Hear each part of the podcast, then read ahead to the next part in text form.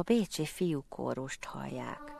A Bécsi fiúkórust, a világ legrégebbi kórusát 1498-ban hozta létre első Miksa német-római császár, hogy birodalmi kápolnájának saját énekesei legyenek a szigorú szabályairól és kemény munkarendjéről ismert kórus öröksége a mai napig él. Jelenleg két nemzetközi összetételű csoport járja a világot. Nemrégiben azonban a tengeren túlon először fellépő ausztrál kórus, a Gondwana nemzeti őslakos kórussal szerepeltek egy színpadon.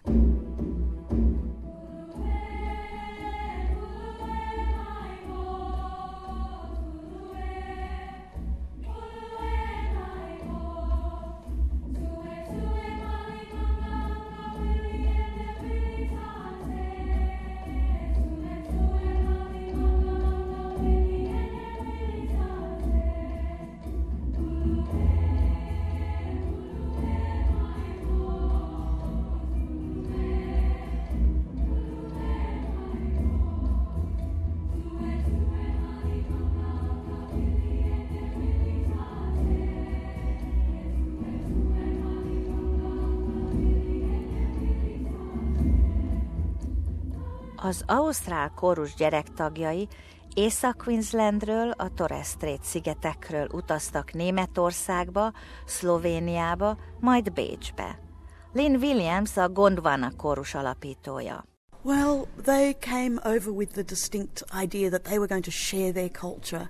And I think they've realized, you know, the great richness of culture all over the world and, and that to share means that you're taking in other people's culture and then giving yours back. So I think it's that sense of this incredible cultural heritage on both sides. A koncertsorozat célja a két gazdag kultúra közelhozása egymáshoz, mondja a Bécsi Fiúkórus művészeti vezetője Gerald Wirth professzor. And for our children, it's great to listen to music they have never sung before in their life and even have a chance to learn it. It's a great experience. It makes them aware, especially our children in Vienna, what else there is in the world. And it's a, a very good and the greatest reason actually to talk about the culture of the Aborigine people in Australia and the Torres Strait people.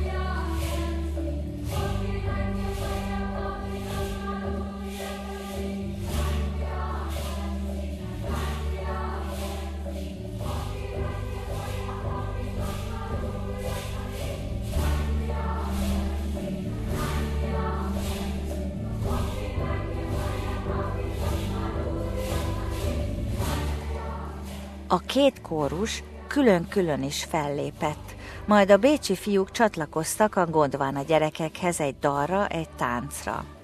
Lynn Williams arról beszél, milyen vidámak is voltak a próbák. Oh, they thought it was great fun. We have these fun island songs, and of course, island songs on the whole can't be done without dance. So they had to all learn the dance. I have to say, as boys anywhere in the world, sort of, you know, 9, 10, 11, 12 year old boys, coordinating your mouth and your feet and your hands can sometimes be a challenge, but it was fun.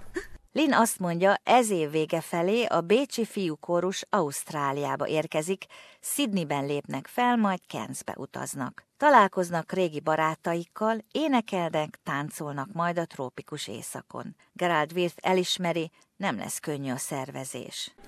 I guess the biggest difficulty is the distance. Of course, it's far away and it takes a lot of money. And I think this is one of the reasons why there is not a lot of interaction between Australian indigenous people and European people. So this is very rare, and we feel very special to be allowed to be involved in such an endeavor.